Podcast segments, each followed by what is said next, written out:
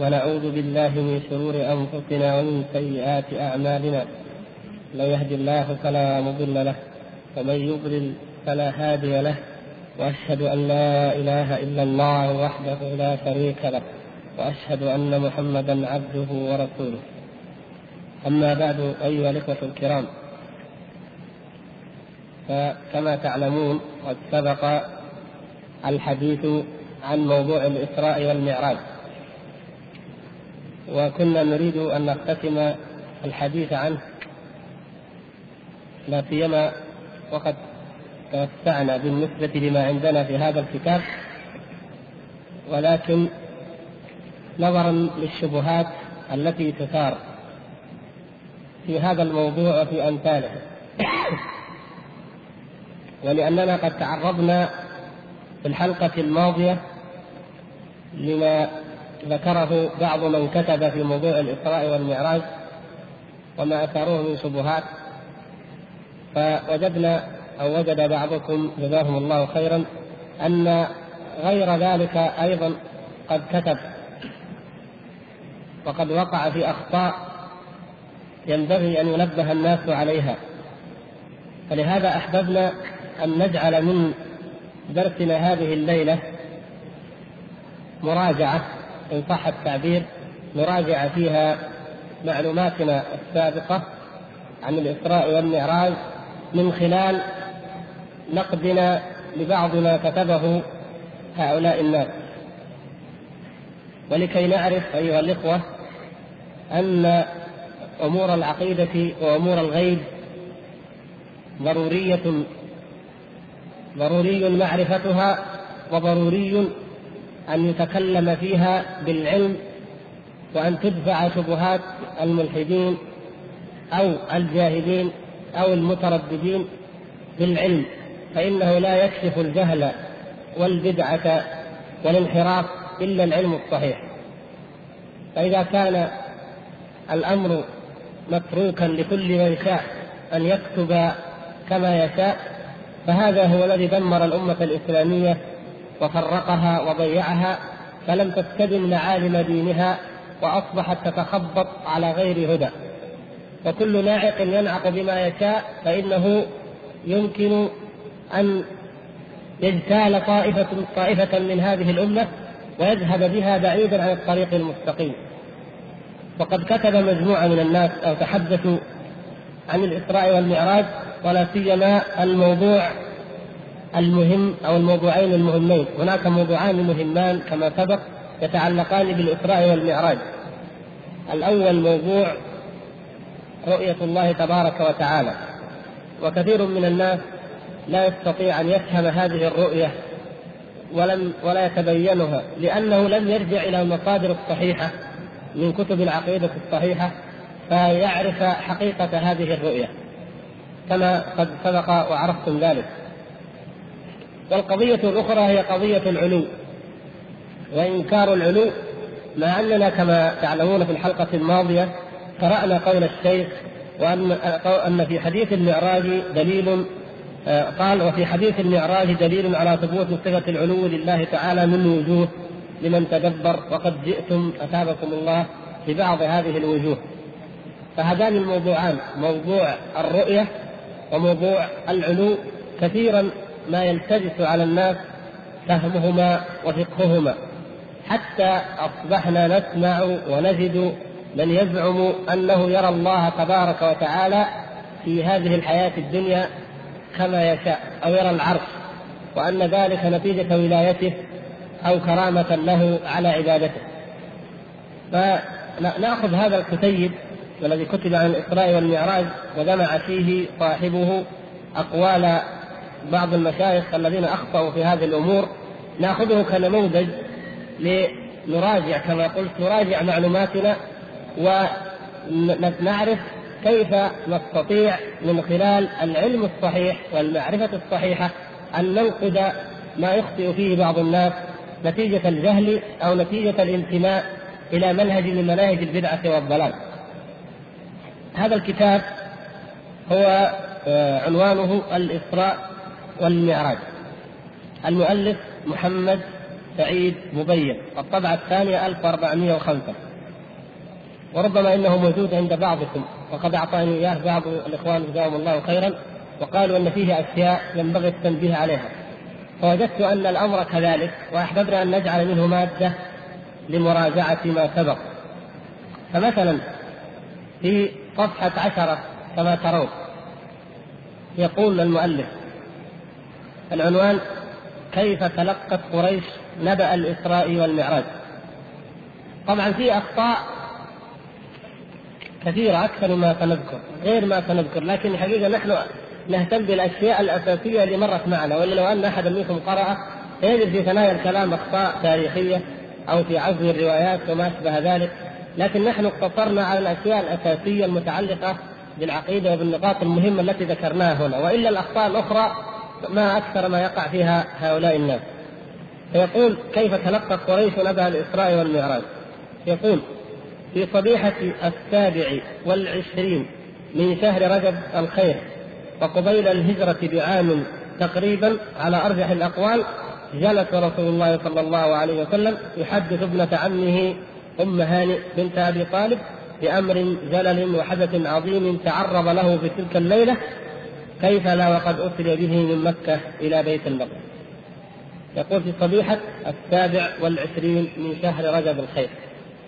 ماذا عندكم من جواب على هذا أو تصحيح أو تغطية لهذا الكلام؟ إيش رأيكم في هذا الكلام يا عبد الله؟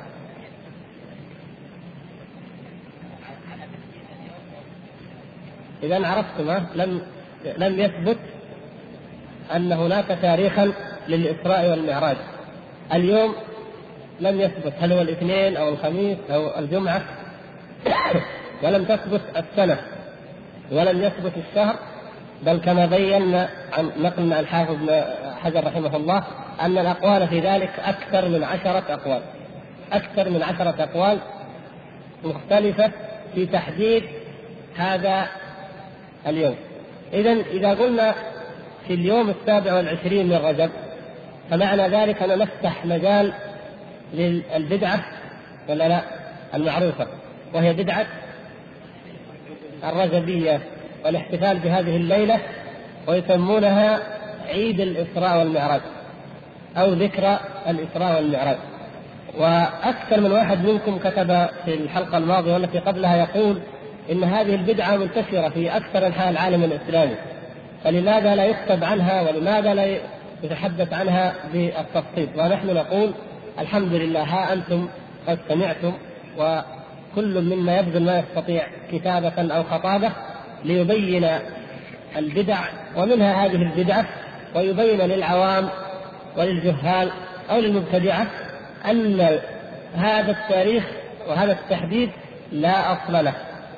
وسؤال آخر لو ثبت أنها كانت في ليلة السابع والعشرين فهل يجوز أن نحتفل بها؟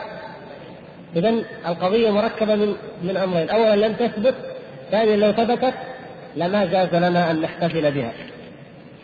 طبعا هو هنا ما تعرض للاحتفال لكن قلنا أنه أن التحديد يؤدي إلى أن نجد أصحاب هذه البدعة منفذا لذلك.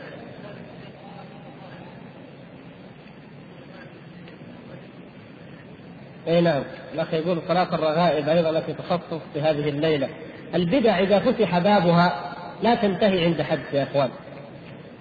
دائما الجادة والطريق المستقيم واحد وأن هذا صراطي مستقيما فاتبعوه ولا تتبعوا السبل فتفرق بكم عن سبيله. فإذا خرج المرء أو الطائفة عن الصراط المستقيم فمن الممكن أن يذهب ذات اليمين وذات الشمال ولا يبالي به الله في أي واد هلك. هذا يجب أن نعرفه. وإلا لا بدعة أولى من بدعة. إذا إذا كان الأمر أمر ابتداع فكل واحد يرى أن بدعته هي الأولى. وكما قلنا في موضوع العقليات كل إنسان يرى أن عقليته أن نظريته أن براهينه هي الأولى. في صفحة 40 خطأ بسيط لكن حتى آه، نعرف نتبين به علم صاحبه. بعض الأخطاء واضحة.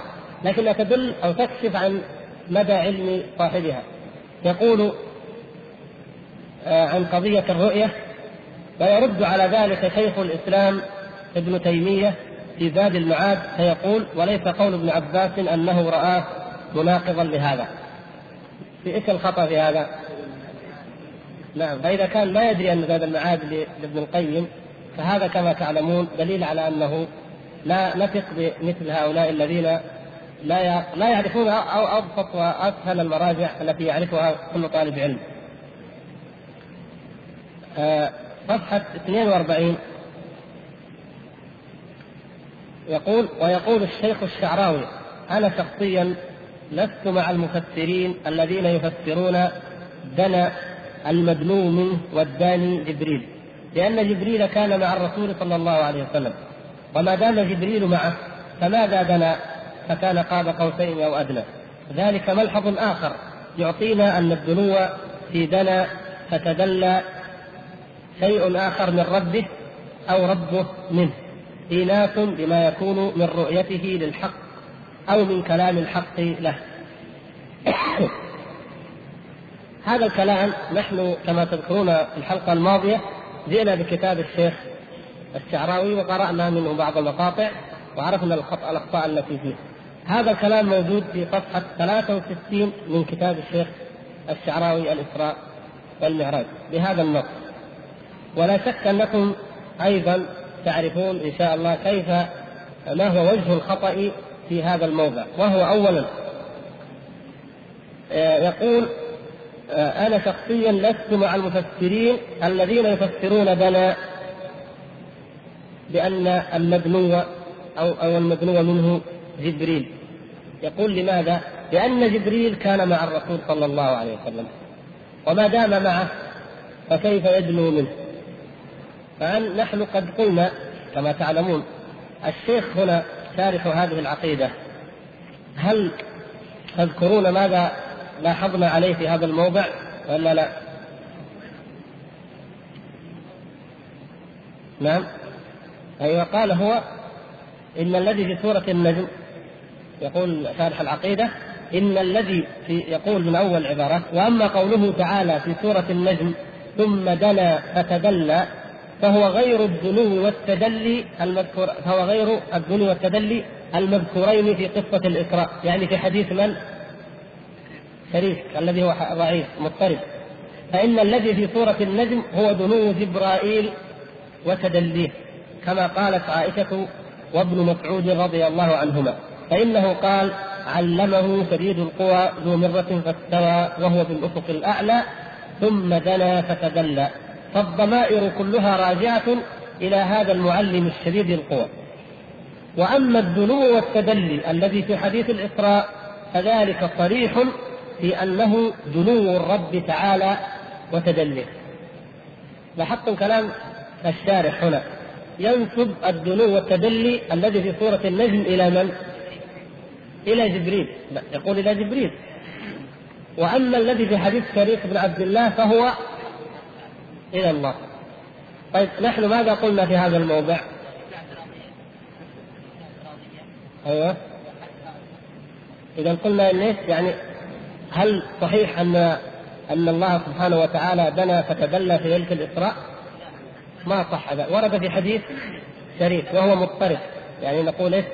إما أنه شاذ وإما أنه منكر. هذه الألفاظ لها تعبيران. إما أن نقول شاذة وإما أن نقول منكرة. لماذا قلنا هذه العبارة؟ محمد.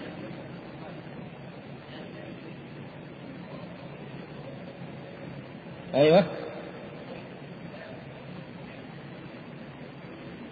يعني إذا قلنا أن شريكا ثقة ولكن من هو أوثق منه خالفه. فيكون الحديث شاذ وإذا كان آه، ضعيفا لأنه مختلف فيه فيكون منكر زيادة منكرة إذا اتضح لدينا أن هذا هذه العبارة لا لا يعول عليها من كلام الإمام ابن أبي العز شارح العقيدة الطحاوية. ولكن كلام الإمام لكن كلام الإمام في الأول صحيح وهو أن الذي دنا فتدلى في سورة النجم هو جبريل. لكن المشكلة هنا جينا يقول أن يقول لست مع المفسرين الذين يفسرون الذي دنا أنه جبريل. لماذا يقول؟ لأن جبريل كان مع الرسول وما دام جبرائيل معه. فماذا دنا من الذي دنا ما دام جبريل كان مع النبي صلى الله عليه وسلم؟ إذا هو ركب وأخذ الخطأ الذي في كلام الشارح. لكن استدل عليه بإيش؟ بالآية. لو أنه استدل عليه بالحديث لقلنا إن خطأهما واحد. يعني هذا استدل بحديث وهذا بالحديث. والحديث في صحيح البخاري فإذا يكون الخطأ واحد وقد وقع فيه بعض السلف. لكن هو الخطأ هنا مركب. القضية خاطئة أو خطأ والاستدلال عليها بالآيات التي في سورة النجم. طيب كيف تبينون أن الآيات التي في سورة النجم خطأ أن يستدل بها على هذا؟ السياق. نعم. كيف؟ الضمائر كما يقول الأخوان الضمائر كلها تعود إلى جبريل. لأنه الآيات نقراها من أول نشوف نقراها محمد الآيات والنجم. أرفع صوتك. ارفع أرفع.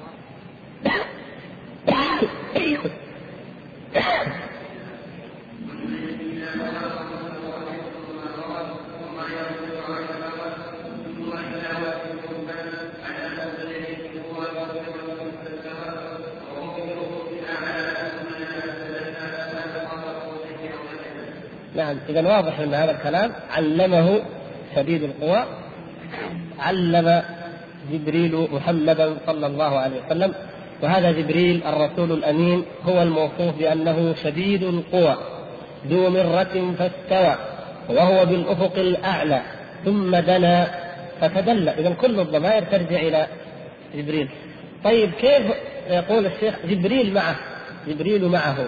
فكيف يدنو منه وهو معه يعني عرجا معا السماء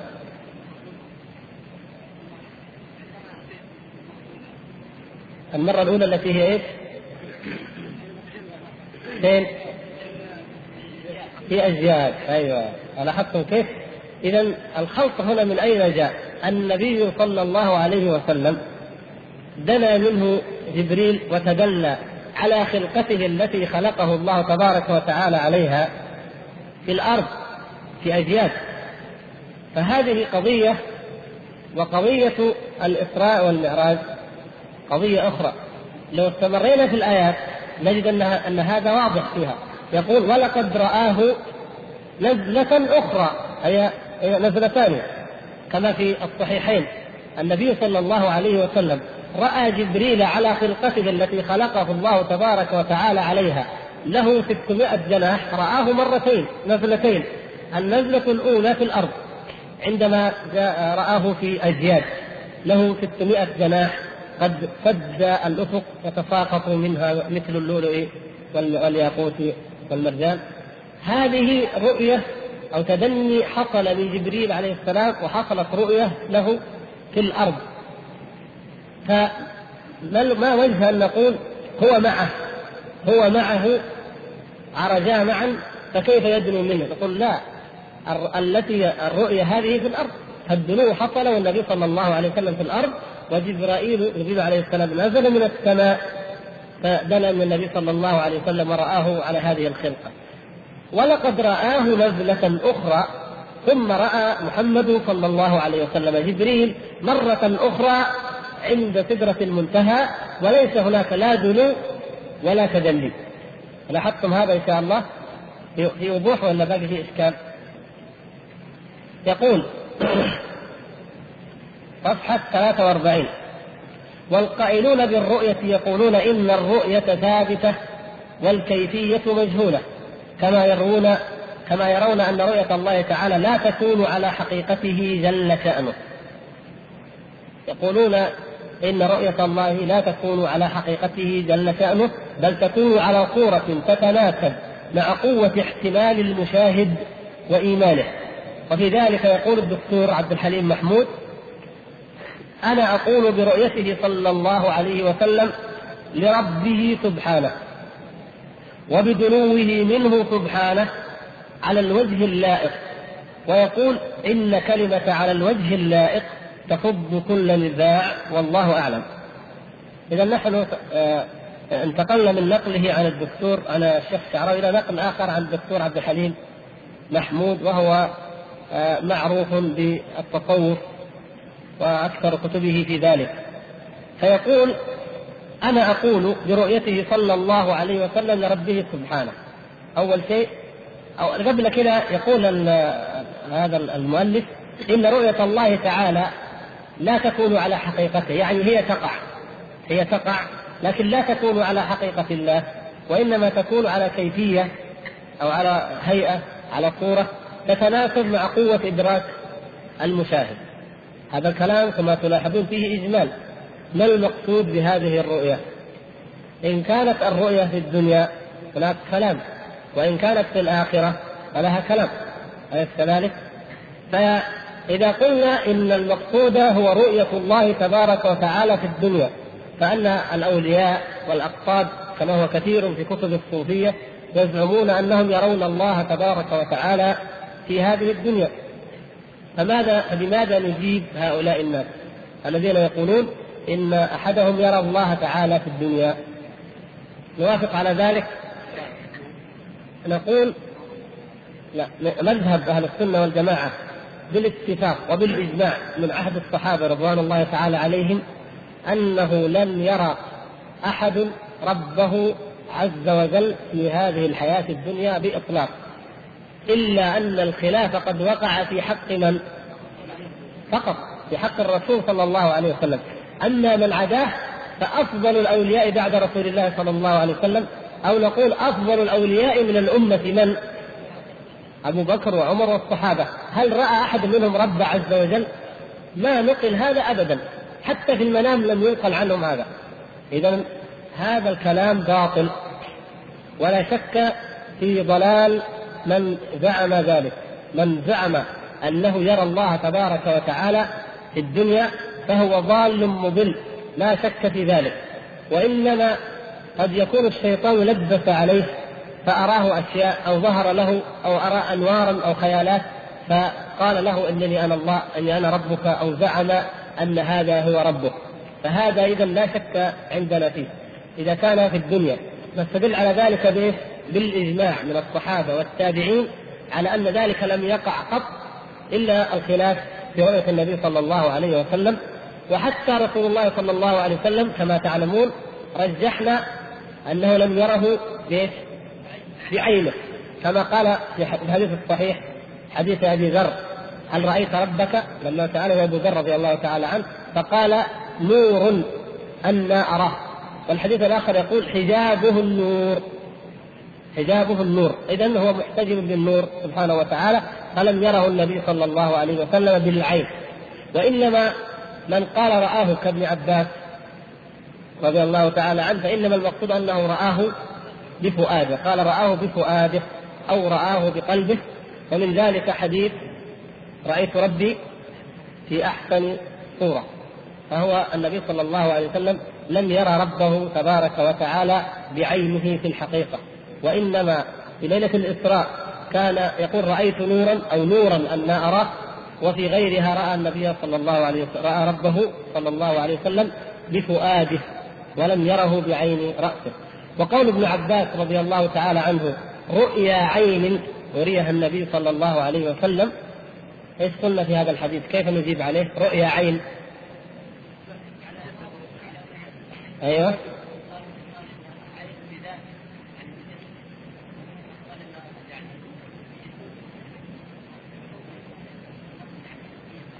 هذا هو إنه المقصود بها أن ابن عباس رضي الله تعالى عنه يقول رؤيا عين يعني ليست رؤيا منام وما جعلنا الرؤيا التي أريناك إلا فتنة للناس قال ابن عباس رضي الله تعالى عنه رؤيا عين أي ما حصل ليلة الإسراء والمعراج كان رؤيا عين بالحقيقة وليس مناما للنبي صلى الله عليه وسلم. والكلام هنا ليس في رؤية الله وإنما الرؤيا كلها كل الرؤيا.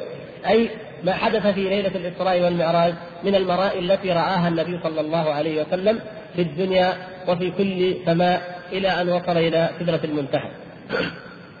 هذا الشيء. وإن كان المقصود أن رؤية الله تبارك وتعالى في الآخرة فهذا كما تعلمون أمر خارج عن موضوع السياق هنا. والله سبحانه وتعالى حينما يتجلى لعباده وينعم عليهم بلذة النظر إلى وجهه الكريم في الآخرة بلا شك أن حال الآخرة غير حال الدنيا. فالإنسان يوم القيامة أهل الجنة يعطون من القوة على الإدراك ومن القوة عامة غير هذه هذا الضعف الذي يعيشونه في هذه الحياة الدنيا. ثم يقول آه، الدكتور عبد الحليم أنا أقول برؤيته صلى الله عليه وسلم لربه سبحانه. هذه قضية وقد عرفتم جوابها.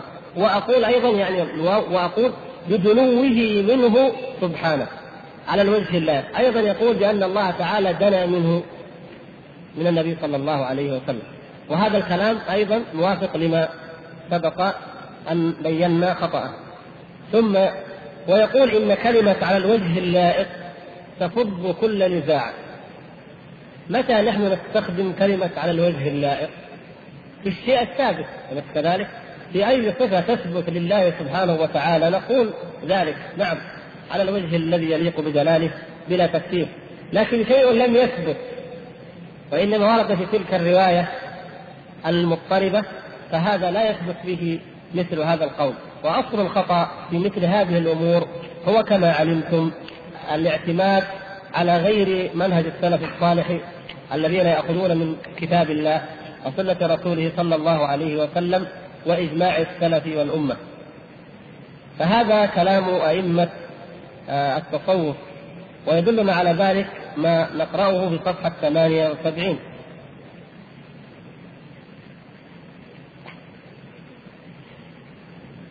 يقول آه، بفقرة عنوانها الوصول إلى الله يعني من من حكم الإسراء والمعراج أو النظرات والعبر في حادثة الإسراء والمعراج موضوع الوصول إلى الله.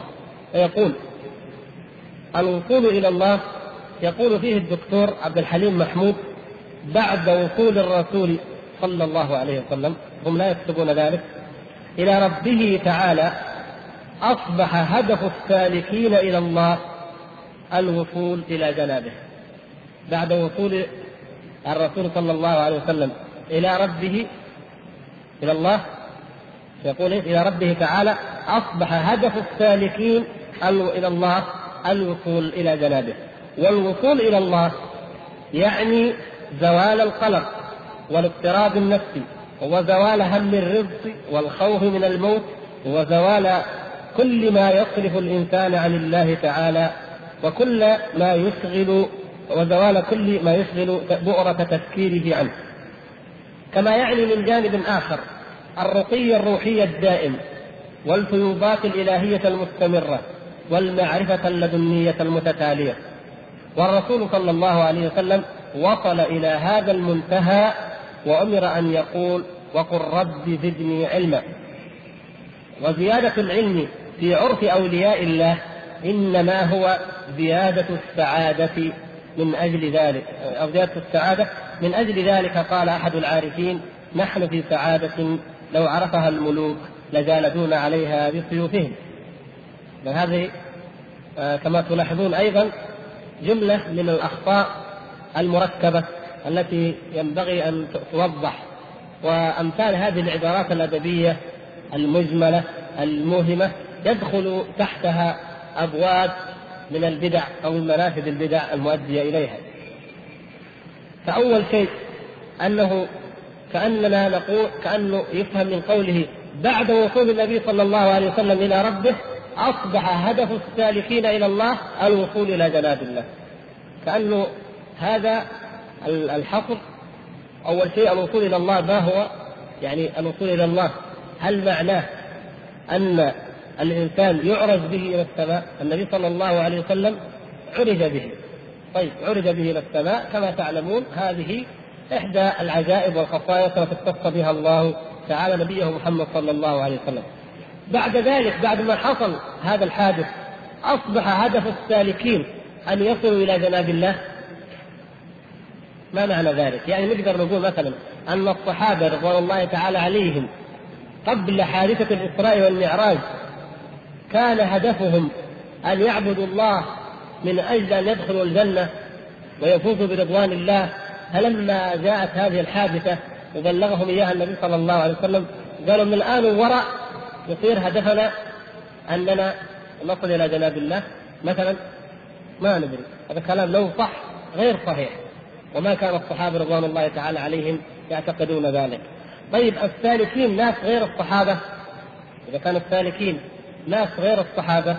يجوز يصح أنه في ناس غير الصحابة رضوان الله تعالى عليهم الصوفية في القرن الثالث ما بعد سموا أنفسهم السالكين ويقولون إن أهم شيء هو الوصول. كما تعلمون أول ما يبتدئ الإنسان في طريق التصوف يسمى إيش؟ مريد بعدين ثالث على طول يوصل يا عبد الله. أول شيء مريد بعدين ثالث بعدين واصل. فيقول هدف السالكين اللي في الدرجة الثانية هدفهم إيش؟ الوصول. والوصول لها معنى آخر لا علاقة له بقضية الإسراء والمعراج ولا بما حصل للنبي صلى الله عليه وسلم. فنجد إنه الكلام يحتمل. بعدين جاء هو يبين بكلام آخر. يقول والوصول إلى الله يعني زوال القلق والاضطراب النفسي طيب وزوال هم الرزق والخوف من الموت. وزوال كل ما يصرف الإنسان عن الله تعالى وكل ما يشغل بؤرة تفكيره. أيضا هنا انتقلنا إلى موضوع آخر. طيب زوال القلق وزوال الهم والاضطراب وزوال كل ما يصرف الإنسان عن الله تعالى. يعني مع التجاوز عن العبارات هذه التي تحتمل معاني مجمله هذا يقع أو يمكن أن يقع لكل إنسان يعبد الله سبحانه وتعالى مؤمن بالله مطمئن إلى قدر الله سبحانه وتعالى راض بما كتب له الله تبارك وتعالى. ألا بذكر الله تطمئن القلوب؟ فهذا أمر يحصل لكل المسلمين لكل المؤمنين كل من آمن بالله سبحانه وتعالى بل يحصل ذلك للإنسان بقدر ما يزداد إيمانه. لكن هو يريد أن يربط القضية بشيء آخر. يقول كما يعني من جانب آخر ليس هذا هو الجانب الذي كل المؤمنين يشعرون به، جانب آخر للمسألة الرقي الروحي الدائم، لاحظتم كيف؟ الرقي الروحي الدائم. يعني إذا قلنا إنسان زال عنه القلق، زال عنه الاضطراب، زال عنه هم الرزق، زال عنه الخوف من الموت، زال عنه كل ما يصرفه عن الله سبحانه وتعالى، كل ما يشغله عن ذكر الله زال عنه. لا يكفي هذا؟ لا، هذا فيه شيء آخر وهو إيش؟ الرقي الروحي أن ترتقي روحه الدائم والفيوضات الإلهية المستمرة والمعرفة اللدنيه المتتالية. اذا هناك فيوضات وهناك معرفة لدنيه متتالية التي يسمونها أحيانا التجليات أو العلم اللدني المعرفة اللدنيه التجليات الفيوضات المشاهدات الكسوفات ألفاظ مترادفة تعني ما يقع في قلوب هؤلاء العباد أو الزهاد أو في خيالاتهم عندما يظنون أنهم في تلك الحالة يبلغون درجة عالية من الإيمان بالله سبحانه وتعالى ومن آه، مثلا آه، الرقي الرقي الروحي الذي يتميزون به عن غيرهم من الناس. ولهذا من هذا المدخل نأتي تدخل القضايا الخطيرة جدا كما تعلمون. مثلا كما مر معنا في مسألة التوحيد. يقسمون التوحيد إلى ثلاثة أنواع. توحيد إيش؟ العامة بعدين توحيد الخاصة بعدين توحيد خاصة الخاصة. هذا هو الوصول. الواصلون هم الذين بلغوا إلى توحيد خاصة الخاصة. يعني أصبح الأمر عندهم كما يذكر هنا أصبح أمر آه، رقي روحي فأصبحت هناك فيوضات وكشوفات وتجليات ومشاهدات ينقطعون بها عن الدنيا وعن الخلق. حتى وصل الأمر نسأل الله العفو والعافية ببعضهم إلى انه يترك الجمعة والجماعة ويقول الذي قلبه مع الله دائما كيف كيف يشتغل بهذه العبادات؟ قلبه مع الله خلاص لا يحتاج إلى أن يفعل هذه العبادات. فهذا غاية الضلال. وجعلوا توحيد الأنبياء من نوع إيش؟ العامة. أو إن ترقوا قالوا من توحيد. الخاصة.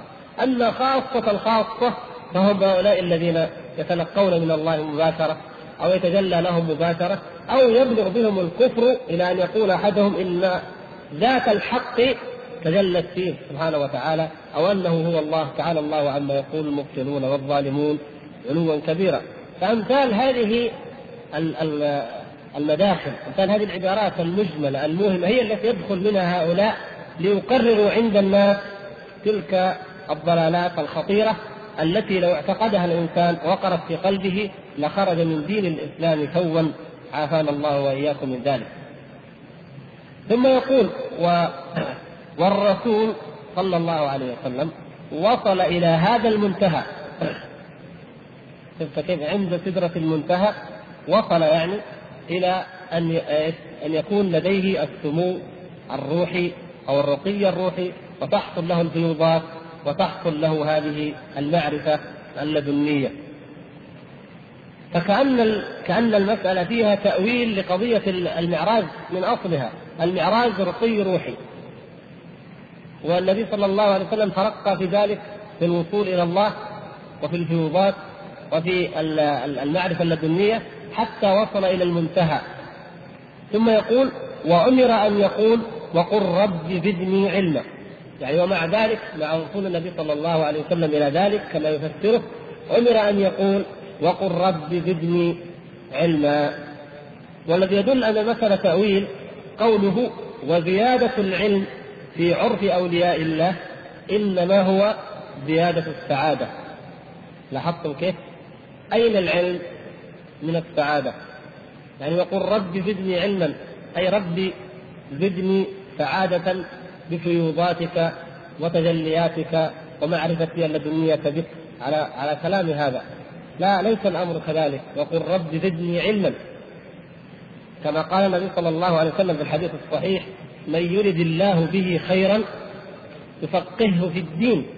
ليس الأمر مجرد السعادة أو النشوة الروحية التي تحصل للإنسان. إنما المقصود العلم الذي هو العلم بالله. نعم والعلم بأحكام الله وبدين الله من الحلال والحرام. فلا شك أن معرفة الله سبحانه وتعالى هي رأس العلم. كما أن الفقه في ذلك هو الفقه الأكبر هذه حقيقة. لكن هذا العلم بالله هو معرفته تبارك وتعالى من عن طريق الوحي وعن طريق الأدلة وعن طريق ال ال ال الإيمان به إيمانا صحيحا كما أخبر سبحانه وتعالى وليس مجرد تأملات ولا آه، نشوات يقال إنها فيوضات وأنها تجليات ترد على الخاطر وترد على القلب. ولذلك يدعي كل قطب أو كل ولي أنه تجلى له ما لم يتجلى للآخر. يختلف كلامه.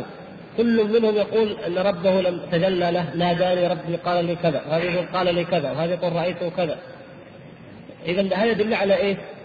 الاختلاف هذا يدل على أنها تصورات ذاتية خيالية حسب ما يفكر فيها الواحد منهم وحسب ما يعني يهتم به تأتي هذه الأمور أما العلم بالله سبحانه وتعالى العلم الحقيقي فإنه يأتي في القرآن وفي السنة ويفهمه الصحابة ويفهمه السلف فهما صحيحا فلا يختلف ابدا لأنه أمور محددة ومضبوطة ومفهومة وليس مجرد يعني أن يطلق العنان للخيال والفكر يتوه كما يشاء.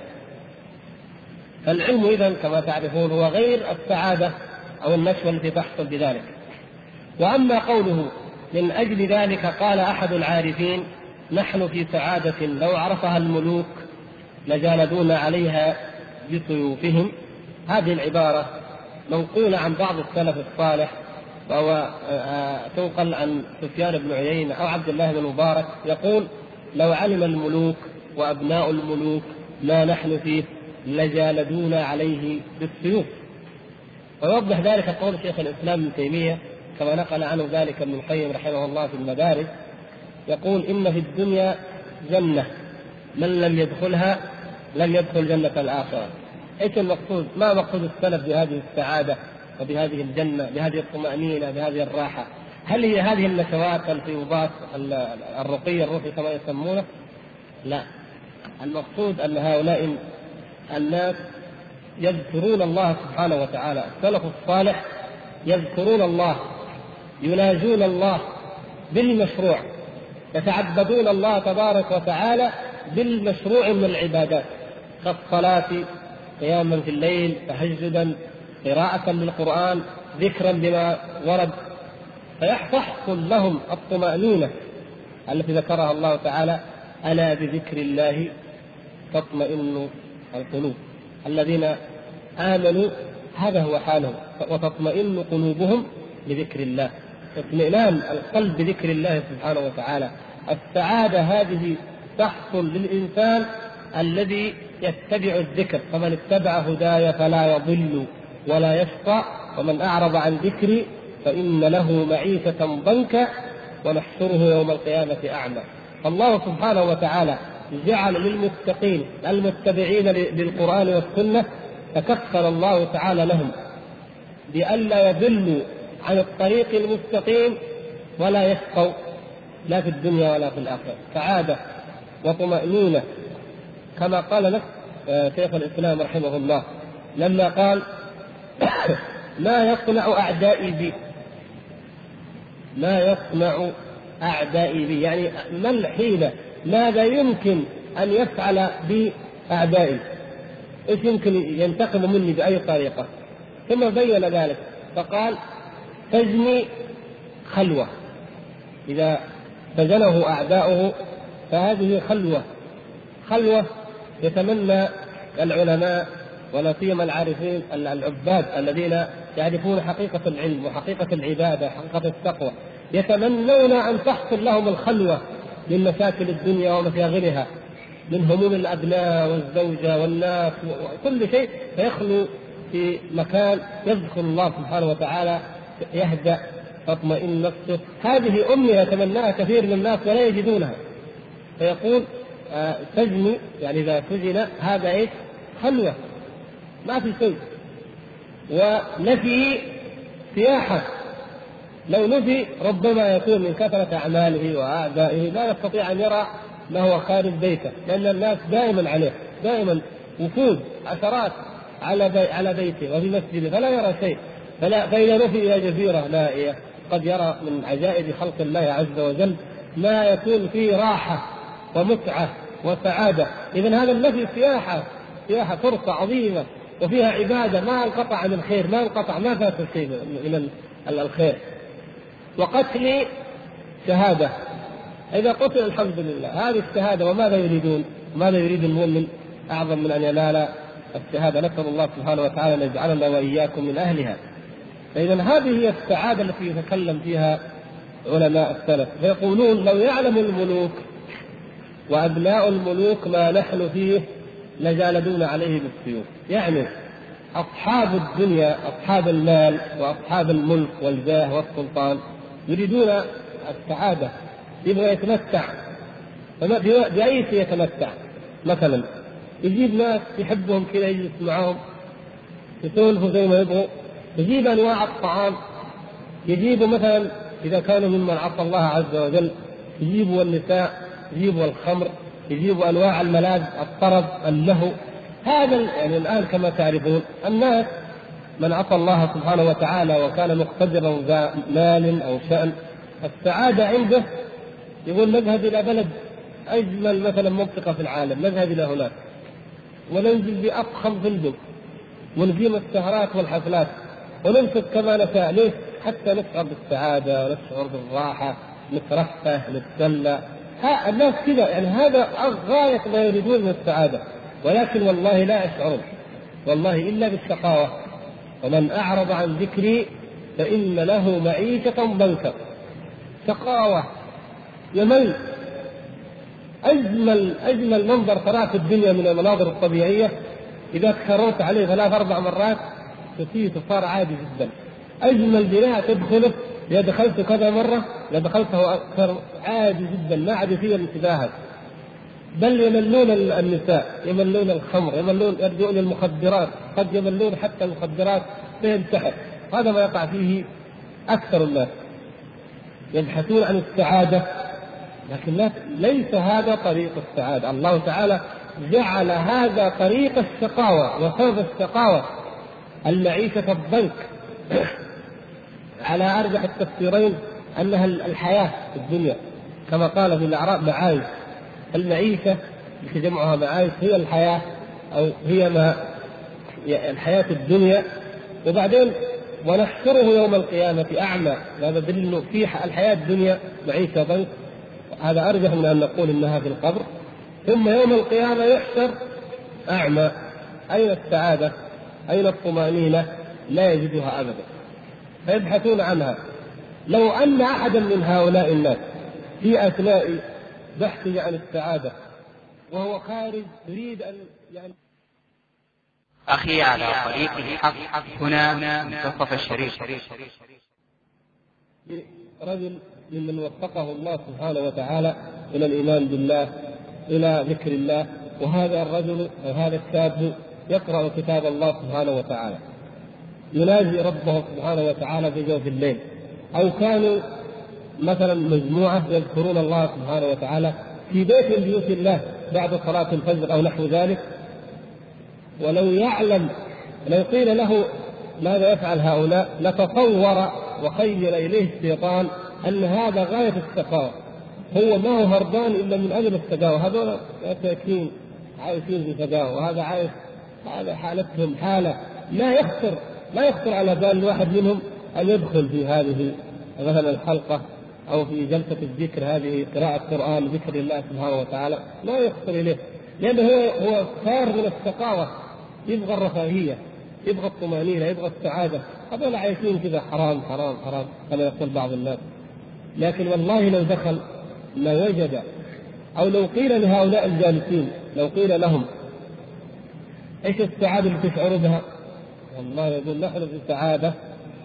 لو علم الملوك وأبناء الملوك ما نحن فيها لجالدون عليها بالسيوف. المشكلة ما هي مرئية يا إخوان ما هي سعادة مرئية واضحة. إذا كان عندك عمارة 30 دور كل الناس هو التجار والأغنياء الملوك. يا ريت عندنا زيه فينافسونك لأنهم يرونها لكن طمأنينة القلب ما حد يشوفها. فيتصورون أنك تعيش في ضيق وفي ألم مقيد ما ترى حريتك في الحياة. لكن لو علموا أنك تجد الراحة العظيمة في ترفعك عن هذه الشهوات. لو عرضت عليك عرضا لأبيتها ولو عرضت عليك وأعطيت معها ملايين الدنيا لأبيت وهم يظنون أنها سعادة. أه؟ لو قيل الشاب المؤمن التقي هذه أجمل بنت مثلا في الدنيا. وهذا معها كأس من الخمر. ها أه؟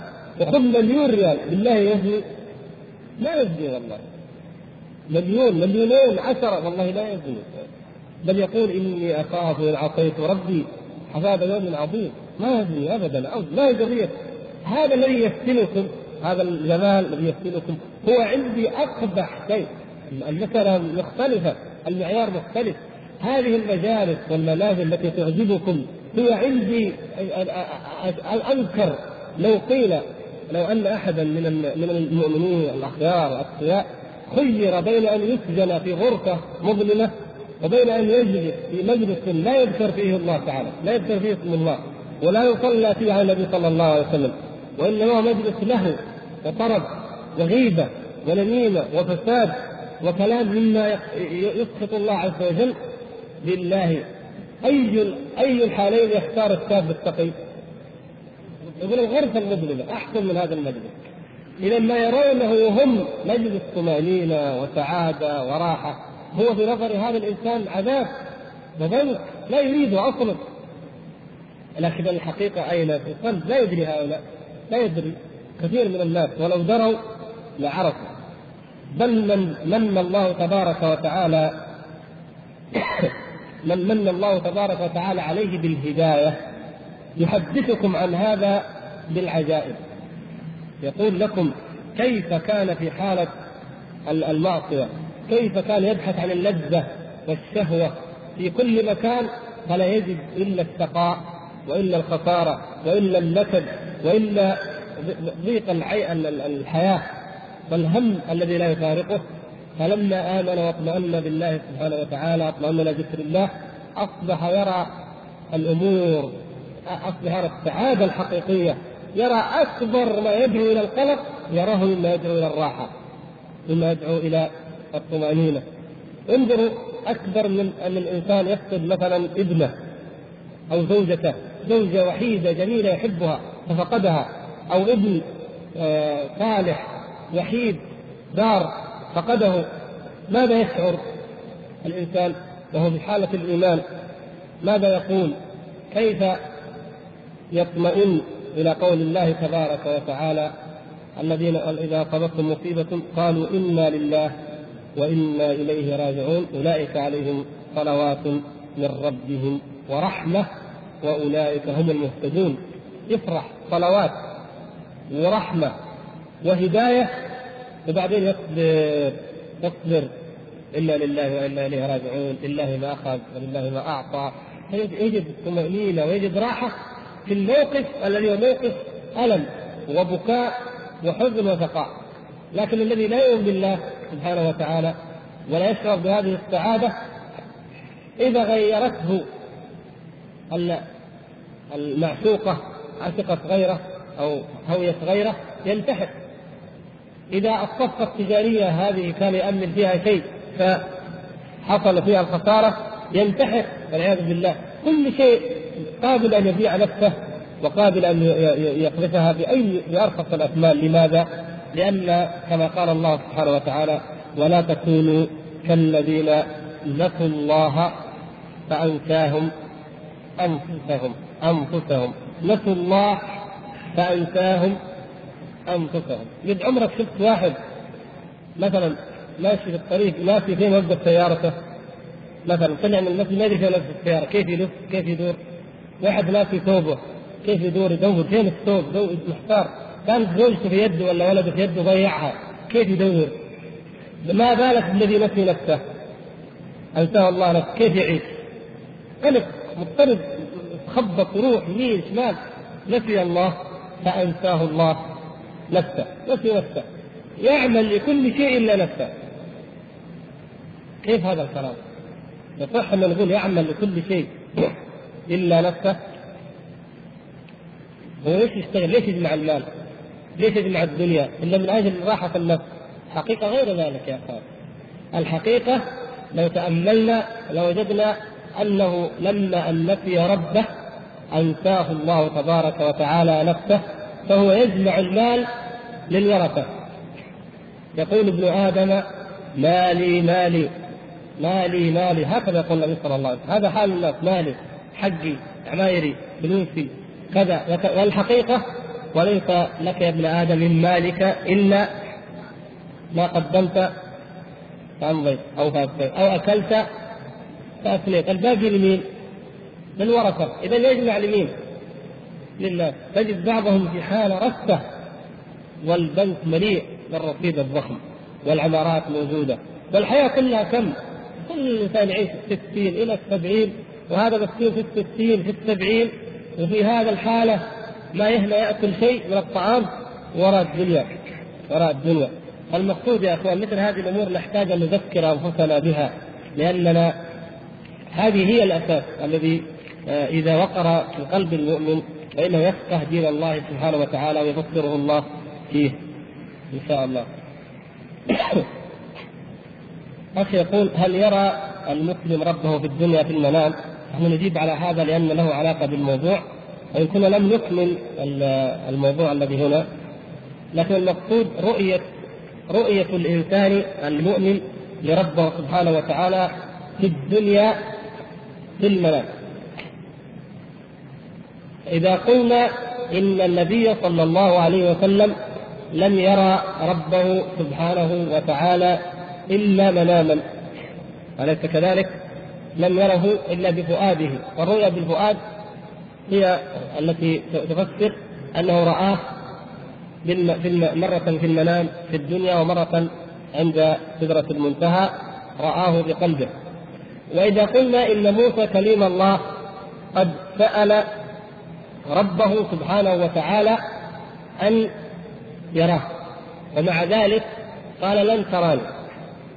ويقول النبي صلى الله عليه وسلم في الحديث الصحيح هذا الذي فاتنا في أول الكلام أن نستدل بدليلين الأول الإجماع والثاني الحديث الصحيح وهو قول النبي صلى الله عليه وسلم إن أحدكم لن يرى ربه عز وجل حتى يموت. عرفتم كيف؟ لن يرى أحد ربه عز وجل حتى يموت. فهذا مما يدل على أن أحدا من الناس في الدنيا لا يرى الله تبارك وتعالى. لو كانت الرؤيا رؤيا هذه ممكنة لماذا نقول إن النبي صلى الله عليه وسلم رآه مرتين؟ ولماذا لم يره آه، موسى عليه السلام بالمرة موسى عليه السلام لما منع من الرؤية وقال الله تعالى له لم تراني كان من الممكن أن يعوض عنها في المنام ولا لا؟ ما هو منام الأنبياء حق أليس كذلك؟ رؤيا الأنبياء وحي حق فيمكن أن يعوض عنها بذلك. فإذا جاء واحد في آخر الزمان قال أنا أرى الله عز وجل. إذا كأنه لو تأملنا كأنه حصل له ما لم يقع للأنبياء. وكذلك إطلاق الحديث إن أحدكم لن يرى ربه عز وجل حتى يموت نفهم به أنه لن يراه في الدنيا. وكذلك اختصاص المؤمنين والأتقياء يوم القيامة برؤية الله تعالى في الجنة. فهذا دليل على أن المسألة هي في الآخرة وليست في هذه الحياة الدنيا.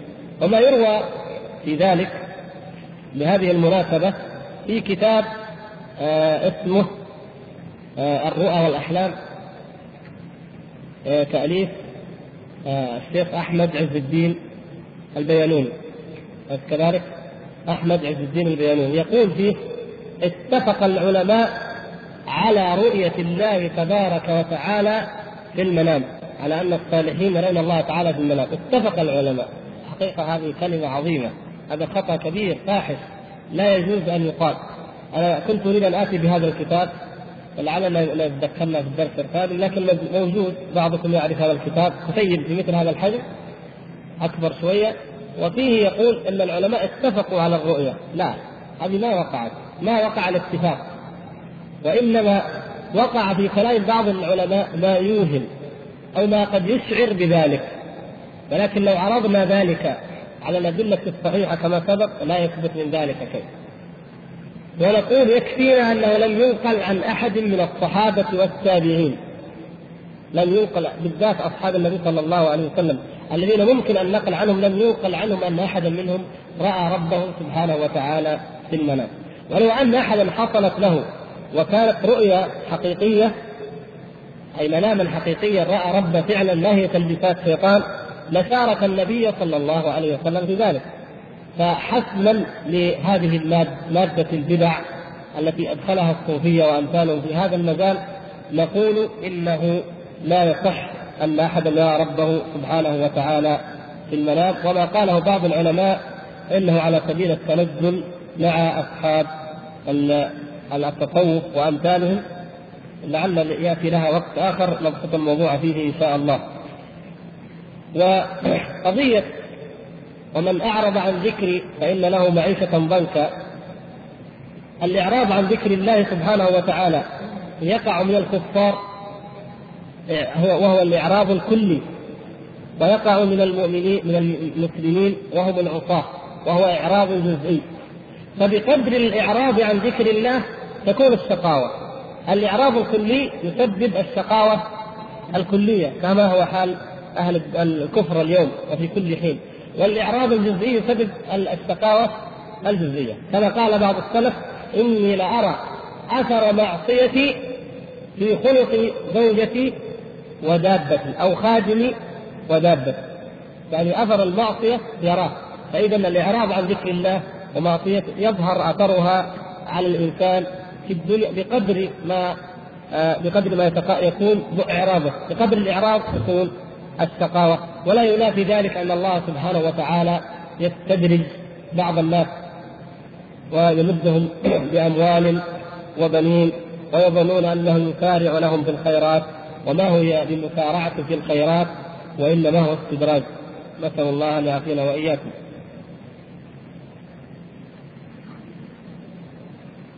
بعدين يقول لعل الناس لم يختلفوا في شيء كما اختلفوا في شأن الإسراء والمعراج. وهذا كلام غير صحيح ليس الخلاف اللي وقع الذين خالفوا في الإسراء والمعراج هؤلاء كما سبق أن أوضحنا أهل ضلال وإذا قامت عليهم الحجة وكذبوا بالإسراء والمعراج فإنهم كفار مرتدون لتكذيبهم بما ثبت في الكتاب والسنة. هذه عبارة أيضا ليست في محلها. إنما المهم في ذلك هو ما قام في صفحة 84 آه، نقدر نقراه كم باقي نقدر؟ المقصود هو ملخص ما قال صفحة 84 و 85 يقول إن الأمر قد يشكل على بعض الناس فيقولون وهل لله عز وجل مكان يعرض إليه فيه الرسول صلى الله عليه وسلم شفتوا كيف؟ العقول القاصرة. إذا أردنا أن نتكلم عن الله سبحانه وتعالى وكأن نتكلم عن أي مخلوق أو أي واحد منه فيقول هل لله مكان يعرض إليه النبي صلى الله عليه وسلم؟ وكيف يحصل ذلك؟ ثم يجيب فيقول إن الله تعالى ليس بعيدا عن رسوله حتى يقطع للقائه هذه الأبعاد الشاسعة في السماوات العلى. بل هو معه حيثما كان وهو أقرب إليه من حبل الوريد بل قريب من عباده جميعا. طيب إذا كان قريب منهم جميعا فليش الإسراء وما فضل النبي صلى الله عليه وسلم وما هو اختصاصه؟ لاحظوا كيف الربكة وكيف الاضطراب يقع. إلى أن جاء بالآيات وإذا سألك عبادي عني فإني قريب. ثم أخذ يبين المجموعة الشمسية والسماء وما إلى ذلك من كلام لا ضرورة له أصلا. وإنما المقصود به أن الكاتب هذا خلط بين المعيتين. تعرفون الفرق بينهما. المعية والمعية الخاصة. وخلط بين كون بين العلو يعني لم يستطع أن يوفق عقله بين إثبات علو الله سبحانه وتعالى وبين إثبات المعية أيضا. فالله سبحانه وتعالى بذاته أين الله؟ كما سأل النبي صلى الله عليه وسلم فوق في السماء فوق المخلوقات. فهو بذاته سبحانه وتعالى كما أخبر. ولذلك النبي صلى الله عليه وسلم لما عرج به بلغ تلك المنزلة التي لم يبلغها أحد أبدا. لو كان الله سبحانه وتعالى كما يقول بذاته قريب من جميع الخلق ما وجه اختصاص النبي صلى الله عليه وسلم. فعندما صعد النبي صلى الله عليه وسلم عرج به إلى السماء كان قريبا من ذات الله سبحانه وتعالى. وأما المعيه معيه النصر والتأييد والتوفيق فهذه ثابتة للمؤمنين وأخصهم في ذلك الرسول صلى الله عليه وسلم. فهو وهو معكم أينما كنتم زي ما جاب الآية وإذا سألك عبادي عني فإني قريب هذا هذه المقصود بها القرب قرب النصر والتأييد والإجابة. إجابة الداعي إذا دعاه. فهو قريب من المؤمنين بهذا الحال وبعيد عن الكفار أي أنه لا يسمعهم ولا يستجيب لهم. أبدا سبحانه وتعالى لأن وما دعاء الكافرين إلا في ضلال. هذا بالنسبة لمعيته ولقربه. أما ذاته سبحانه وتعالى فهو كما أخبر فوق العرش فوق المخلوقات في السماء.